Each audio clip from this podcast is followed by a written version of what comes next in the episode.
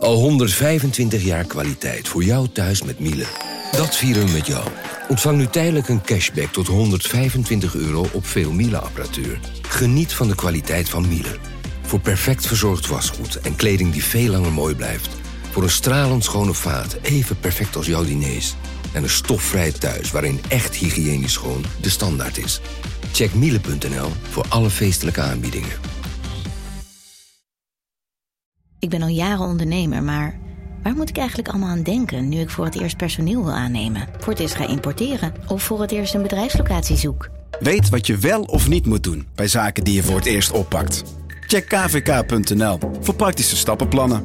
KVK, hou vast voor ondernemers.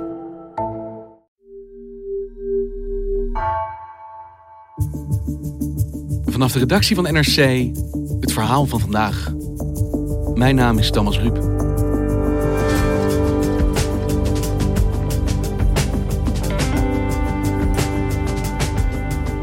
Als India-correspondent Eva Oude Elverink haar hand langs de reling van haar balkon haalt, ziet hij grijs van de as. Vanwege de crematoria die dag en nacht doordraaien, kleurt de lucht boven Delhi grauw. India is in de ban van een corona-uitbraak die zijn weerga niet kent. Mensen sterven op de stoep voor het ziekenhuis, de zuurstof raakt op en alle horrorscenario's komen uit.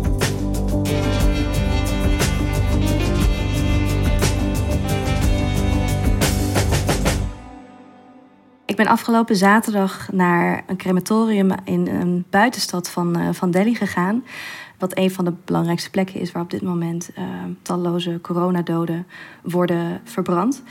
En de aantallen uh, lichamen die daar inmiddels aankomen zijn zo groot dat de capaciteit van het crematorium dat eigenlijk helemaal niet aan kan. En dat zij enkele weken geleden dus ook hun parkeerplaats nu hebben omgebouwd, eigenlijk omgevormd tot, uh, tot een plek waar, uh, waar mensen gecremeerd worden. Dus het gebouw is eigenlijk niet groot genoeg meer om alle lichamen te kunnen herbergen. Nee, en ze blijven ook maar aankomen. Dus er is een soort van continue stroom van ambulances uh, waarin wederom nieuwe lichamen naar het crematorium worden gebracht. Tegelijkertijd hoor je net overal om je heen uh, gesnik en of nou, meer dan dat, echt hard gehaal van familieleden die daar net zijn aangekomen met het lichaam van hun geliefde. Uh, daar hangt een geur die nou, ook bijna niet te omschrijven is. Het is, het is een mengeling van verbrand hout en een zurige, nou, een soort van alles overheersende geur van de dood eigenlijk, die daar overheen waait. Er zijn continu resten die nog naspeulen van de vorige brandstapel, van de vorige doden die zijn geborgen. En ik liep over wat, wat dus voorheen de, parkeerplaats was, uh, maar nu uh, een soort van ook wachtplek voor, voor familieleden was geworden. En daar zat een, uh, een, een jonge man, um, Abhishek heet hij, Abhishek Srivastava. En hij was zo. Er was iets in de blik van zijn ogen in hoe hij eigenlijk gewoon naar zich, voor zich uit zat te staren. En ik liep langs en hij keek me wel een beetje aan. Maar, dus ik dacht, ik ga toch even een gesprek met hem voeren. En nou ja, hij vertelde mij dat hij uh, net die ochtend, dus uh, die ochtend vroeg, zijn vader was verloren. Hoe oud was je vader? 68. En uh, ja, hij zat er, toen ik hem sprak, zat hij er echt al, nou, wat zei hij, anderhalf uur, twee uur te wachten eigenlijk. En ook geen idee hoe lang het nog zou duren. I've been waiting for at least uh, one and a half hours and I don't know. It might take entire day. Waarschijnlijk de hele dag, omdat ze die brandstapels maken ze allemaal klaar. En dan vervolgens wordt in één keer worden ze um, in brand gestoken. Omdat het, uh, nou ja, het efficiënter is om het in één keer zo te kunnen doen. Hij was daar alleen, ze wilde geen risico lopen met andere familieleden. Dus het was ook een hele, nou, ook nog echt een hele eenzame aangelegenheid eigenlijk. Vooral ook hoe hij daar zat, echt gewoon volledig verloren in, nou ja, het, letterlijk het verlies van die, van die, die ochtend, van dat moment. Yes, my mom also got infected. When I got infected, my mom is devastated right now. I just need to go and see her. How she? Op steenworp afstand stond de ambulance met het lichaam van zijn vader onder zo'n wit doek. En van die oranje bloemen eigenlijk, die hier vaak worden gebruikt bij, uh, bij religieuze ceremonies die over het lichaam heen waren gedrapeerd. En dat zag je echt een beetje soort van door dat ambulanceraampje. Uh, ja, was dat eigenlijk het uitzicht waar, waar hij deels op uitkeek en deels dus op uh, de voorbereidingen van de brandstapel voor zijn vader en van die van vele anderen. Hij zat te wachten tot zijn vader aan de beurt was om gecremeerd te worden, net als vele anderen daar. Ja, en dat is maar één van de crematoria in Delhi die op dit moment hiermee te maken heeft. Je merkt het ook gewoon letterlijk aan de lucht. We hebben het hier over uh, Delhi, wat, wat, in normale tijden een van de meest vervuilde steden van de wereld is. Dus we zijn hier wel gewend aan een, aan een smerige lucht. Maar normaal rond deze tijd van het jaar, het is nu zomer. Dus je zou denken dat de lucht blauw is, maar de lucht is al dagen grauw. Ik heb op mijn terras, ik had twee dagen, was, uh, was het terras even niet schoongemaakt. En ik ging gisteren, had ik mijn vinger over de tegels en er zat een hele laag grijze stof op. Ja, uh, het kan veel zijn, maar ik woon niet zo heel ver van een crematorium. Van een van de crematoria die hiervoor worden gebruikt. En uh, ik ben niet de enige bij wie dit gebeurt. Ik zie op sociale media eigenlijk vrij veel mensen in, in Delhi die met een soortgelijke uh, tafereelen op hun uh, nou, terrassen en balkonnen te maken hebben. Het regent letterlijk as in Delhi op dit moment. Er hangt letterlijk dood in de lucht in Delhi, ja. Want Eva, wat is er op dit moment aan de hand in India? India is op dit moment in de ban van de meest verwoestende coronagolf die je maar kunt indenken. We hebben het over ongeveer 400.000 nieuwe besmettingen die worden aangetroffen uh, per dag. Meer dan 400.000 per dag. 400.000. En dan hebben we het over aantallen van mensen die dus zijn getest. De cijfers wat dat betreft zijn een onderschatting. En dat geldt zeker ook voor de dodentallen. Want op dit moment, volgens officiële cijfers, uh, overlijden rond de 4000 mensen per dag. International help is being pledged for India as it battles a ferocious second wave of coronavirus, described by Prime Minister Narendra Modi as a storm that has shaken the nation. In the capital, Delhi, COVID is now killing one person every four minutes. Crematoriums, shamshan ghats across the country are overflowing. So are the burial grounds. Hospitals across India are overwhelmed, many running dangerously low on supplies, including oxygen. Overal is op dit moment tekorten aan. Dus we hebben het uh, vooral dus over plekken in ziekenhuizen, over beademingsapparatuur. Medisch zuurstof is nu een van de meest dierbare uh, goederen geworden. En de nood is overal hoog. Hey, en Eva, als ik me niet vergis, was India juist een van de voorbeelden van de wereld waarin bij de eerste golf in ieder geval het zo goed lijkt te gaan. Ik bedoel, wij spraken elkaar de laatste keer en toen hadden we het met name over de gevolgen voor de economie van de coronacrisis, niet over dit soort aantallen. Ja, het kwam eigenlijk allemaal wel goed. En dat zeg ik even tussen aanhalingstekens, want er zijn natuurlijk in die tijd ook heel veel mensen overleden. Maar het was lang niet zo dramatisch zoals mensen hadden gedacht. En er, er groeide ook vanuit de regering steeds meer retoriek dat India eh, vrij exceptioneel was eigenlijk. Dat India uitzonderlijk was. En er werd steeds meer een beetje de loftrompet bijna afgezongen over hoe goed India dat eigenlijk wel eens had gedaan. Je had premier Modi, die begin dit jaar het eh, World Economic Forum in Davos toesprak. En eigenlijk dat ook aangaf. Hij zei: de wereld dacht dat India zou falen eigenlijk.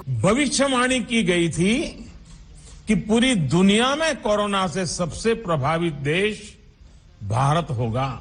Dat de lijken voorbij zouden stromen in de riolen. Uh, maar kijk hoe wij het echt hebben gedaan. We worden consequent eigenlijk onderschat. Maar wij hebben het eigenlijk veel beter gedaan dan het Westen. En wat is er dan nu veranderd ten opzichte van toen? Doordat de regering aangaf van wij hebben dit gedaan, India heeft dit geklaard, we hebben het virus overwonnen, zag je dat bij politici, bij ambtenaren, maar ook gewoon bij het publiek zelf, eigenlijk de angst voor het virus, die heel erg voelbaar was in de eerste golf, dat die uh, vrijwel was verdwenen. Dus dat het gewone leven weer op alle mogelijke manieren werd opgepakt. Er werden bruiloften georganiseerd, er waren lokale verkiezingen met massale bijeenkomsten, er waren religieuze festivals waar miljoenen pelgrims naartoe kwamen. En je zag de regering eigenlijk ook bijvoorbeeld bij die bijeenkomsten zonder maskers soms uh, mensen, enorme mensenmassa's toespreken. Dus er was een normalisering van het, nou ja, eigenlijk het, het oude leven. En daarbij komt ook zeker dat er uh, in India, net als elders in de wereld, nieuwe varianten een rol spelen. En dat is heel zichtbaar geworden, vooral in Maharashtra. Waar we praten over nu inmiddels een Indiase variant. Die daar enorm heeft huisgehouden eigenlijk en wat is de regering gaan ondernemen toen duidelijk werd dat die lijn zo aan het stijgen was? Het duurde eigenlijk vrij lang voordat de regering echt actie heeft ondernomen. De premier die vorig jaar wel bij, toen er nog maar een paar honderd uh, besmettingen in Delhi waren, het volk bijna om de week toesprak en, en de ernst van de situatie benadrukte. En natuurlijk, nou, er was een lockdown, er waren toen al veel restricties. Maar hier ging het eigenlijk pas, hebben we het over misschien twee, drie weken geleden, dat het keerpunt kwam. Meanwhile, India's capital, New Delhi, will impose a week long lockdown from Monday night. The restrictions followed similar measures in other parts of India, including in the western state of Maharashtra, home to financial capital Mumbai, and the southern state of Tamil Nadu. Het kwam laat en het kwam ook op een moment dat er eigenlijk veel te weinig geïnvesteerd is de investering waar al vanaf het begin van de eerste golf om werd gevraagd, en eigenlijk al veel langer in de Indiaanse gezondheidszorg, dat die niet zijn gedaan. Want toen de pandemie begon, meer dan een jaar geleden, hoorde je overal ter wereld angstscenario's geschetst worden van hoe het eruit zou zien als de zorg echt instort. Dat een ambulance niet komt als je die belt, dat een ziekenhuis geen plek voor je heeft. Op dit moment, als je corona hebt in India en je hebt hulp nodig, wat kan je doen als patiënt? Ja, dat, uh, dat hangt een beetje van je stad af. In Delhi heeft de, lokale regering een soort corona-dashboard opgezet. Daar wordt officieel per minuut bijgehouden in welk ziekenhuis er nog uh, IC-bedden zijn. Ik, uh, ik kijk daar regelmatig op en dat is eigenlijk een hele angstige bezigheid. Want je ziet ziekenhuis na ziekenhuis staat rood gekleurd, wat betekent dat ze geen bedden vrij hebben. Wacht even, ik pak hem er even bij. Het heet Corona Beds Janta Samvat. even kijken volgens het dashboard zitten we nu 14, 0, 0, 0, 0, 14, 20, 34. Nou, op dit moment zijn het er 43 op een totaal van ruim 5200 bedden. Uh, in een stad met 19 miljoen inwoners. Ik durf daar mijn hand niet voor in het vuur te steken dat het er ook echt 43 zijn op dit moment.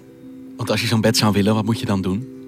Je belt. Eigenlijk is het het beste wat je kunt doen, is bellen. Om te kijken of dat bed daadwerkelijk vrij is en daar dan zo snel mogelijk naartoe gaan. Maar je hebt ook mensen die, uh, die er gewoon eigenlijk al meteen naartoe gaan en van ziekenhuis naar ziekenhuis letterlijk aan het rondrijden zijn om hulp te vinden. Dus mensen rijden in paniek de stad door op zoek naar een plek in een ziekenhuis om familieleden opgenomen te krijgen. Ja, Abhishek, de jongen die ik bij het crematorium ontmoette, die vertelde mij ook dat hij zijn auto acht uur lang geparkeerd had staan voor het ziekenhuis uh, bij hun in de buurt. Omdat hij wist dat ze een bed vrij hadden. Hij wist dat ze plek hadden, maar ze weigerden zijn vader op te nemen. They were not able to admit him. I waited for eight hours, then I had to approach a lot of people to get him admitted. En de reden die ze hem gaven was: we hebben opdracht gekregen van hogerop, van het management van het ziekenhuis, dat we geen nieuwe patiënten mogen opnemen. En hij zegt dat hij geprobeerd heeft op de receptionist en iedere arts ongeveer die voorbij kwam in te praten om, om zijn vader toch opgenomen te krijgen. My father was in the car and I was at the reception. I was trying to do everything possible to get him admitted. Terwijl zijn vrienden ondertussen alle andere ziekenhuizen probeerden af te bellen om daar een plek te vinden. Yeah, my friends were trying another hospital while I was trying on the one that he was eventually admitted. Dat is hun niet gelukt. Uiteindelijk uh, Abhishek wel, dus zijn vader kon opgenomen worden, maar wel nadat hij dus eigenlijk al in kritieke toestand überhaupt in de auto was gestapt en daarna acht uur lang in die auto heeft gezeten. And then his oxygen was further dropping and uh, then he also had the liver issue. Yeah. So he had uh, the internal bleeding started and uh, today morning around 5 a.m. he was no more. Dus de hulp kwam voor zijn vader te laat. In feite wel. Hij heeft nog een paar dagen in het ziekenhuis gelegen, maar zijn situatie liep al toen zo snel achteruit dat hij inderdaad uiteindelijk is overleden. En voor al die mensen die geen bed kunnen krijgen, die geen zorg kunnen ontvangen in een ziekenhuis, is het dan een kwestie van wachten eh, op de stoep terug naar huis? Of zijn er plekken waar je nog wel terecht kan voor iets van hulp? Er zijn, en dat is het mooie aan India en aan de samenhorigheid hier, er zijn uh, wederom ook nu weer allerlei vrijwilligersinitiatieven die je overal ziet ontstaan waarbij mensen proberen elkaar te helpen. Sociale media worden daarvoor ingezet. En ook de gurudwaras, dus de, de ziektempels hier, die vorig jaar een enorm belangrijke rol hebben gespeeld bij het uh, ervoor zorgen dat mensen die omkwamen van de honger letterlijk, dat zij toch uh, te eten kregen. Die hebben nu op verschillende plaatsen, ja, ze noemen, je kunt het een soort van zuurstof drive-in noemen, gemaakt. Dus waar auto's komen voorrijden met patiënten die nou, letterlijk wat lucht krijgen. Dus die tempels die springen in het grond dat de overheid hier laat vallen. Inderdaad. Ik ben zaterdag bij een van die uh, gurudwaras gaan kijken... waar ze eigenlijk waren begonnen met deze zuurstof drive-in. En je moet je voorstellen dat de hele straat rondom de tempel was afgesloten... en overal stonden auto's geparkeerd. Uh, eigenlijk, op het moment dat ik aankwam, was er letterlijk al paniek. Want er was net een paar minuten voordat ik was aangekomen, was er iemand overleden. Dus er was de, ik, ik denk dat het de zoon was, want zo zag het eruit. Die eigenlijk huilend aan het heen en weer rennen was. Om te kijken of hij iets nog kon regelen voor zijn moeder, die daar levensloos op een, uh, op een ja, houten bankje, dat was het eigenlijk, lag.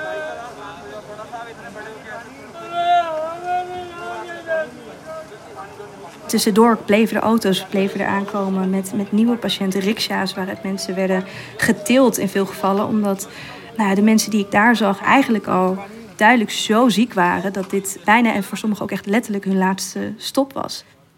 Mensen kwamen er voor hulp, maar eigenlijk ook om te sterven in sommige gevallen dat is wel wat er gebeurde. Dus ik, ik was met een jongen aan het praten die daar met zijn schoonmoeder was. Uh, naartoe gekomen. Die wederom ook uh, net anderhalve dag eigenlijk alleen maar met zoektochten naar ziekenhuisbedden en zuurstofcilinders bezig waren geweest. En hij had toen via sociale media begrepen dat er dus deze faciliteit werd aangeboden. What do you think of what we're seeing here right now? See, the scene is quite horrifying over here. You know, uh, they are trying their level best, but they do have limitations over here.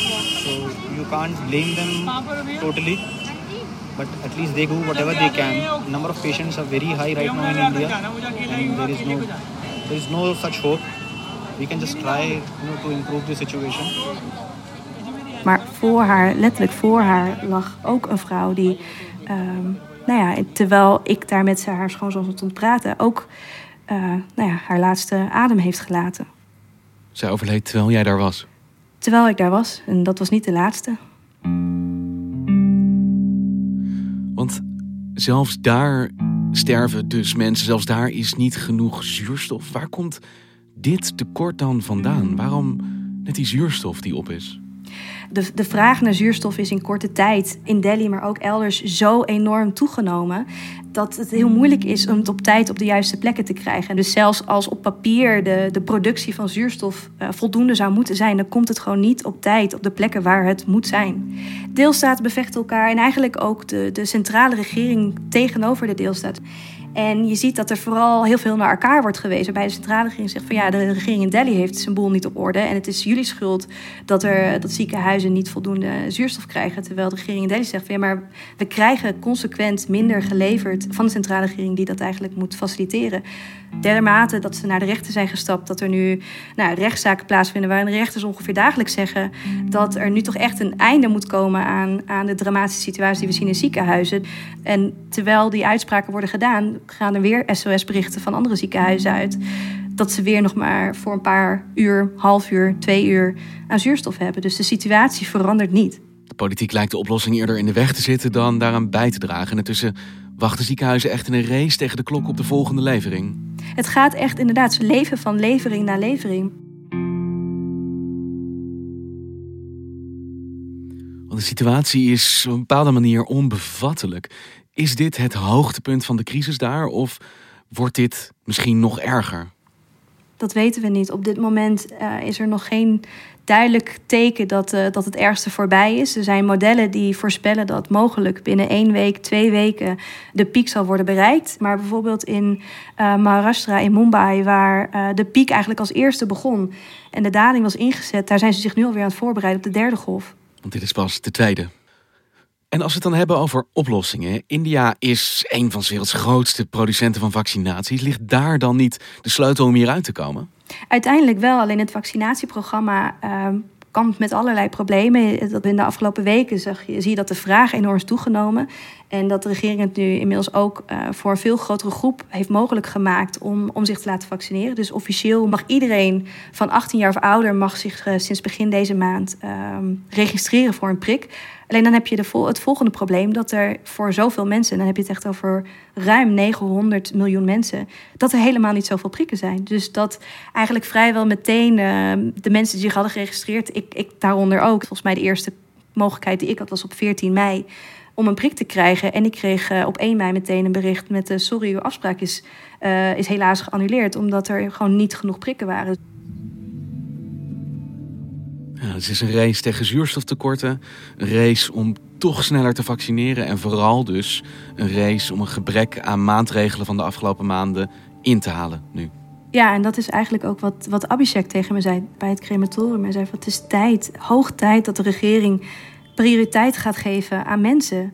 Er hadden zoveel levens gered kunnen worden als, als ze maar op het juiste moment eigenlijk de, de medische hulp hadden gekregen die ze nodig hadden. En dat is niet gebeurd. En dat is waarom we ja, nu zien wat we zien gebeuren. Government is trying their best, but I think the best is not good enough. There's no medicine available which might help. A lot of people could be saved with a proper medical care.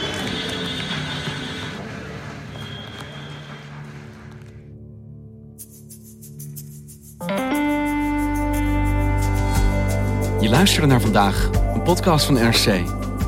Eén verhaal, elke dag. Deze aflevering werd gemaakt door Felicia Alberding, Esmee Dirks en Jan-Paul de Bond.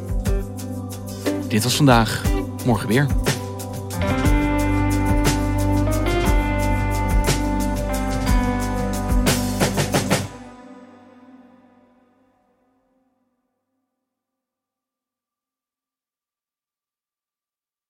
Technologie lijkt tegenwoordig het antwoord op iedere uitdaging. Bij PwC zien we dit anders. Als we de potentie van technologie willen benutten, kunnen we niet zonder een menselijk perspectief. Human-led, tech-powered noemen we dat. Ga naar pwc.nl.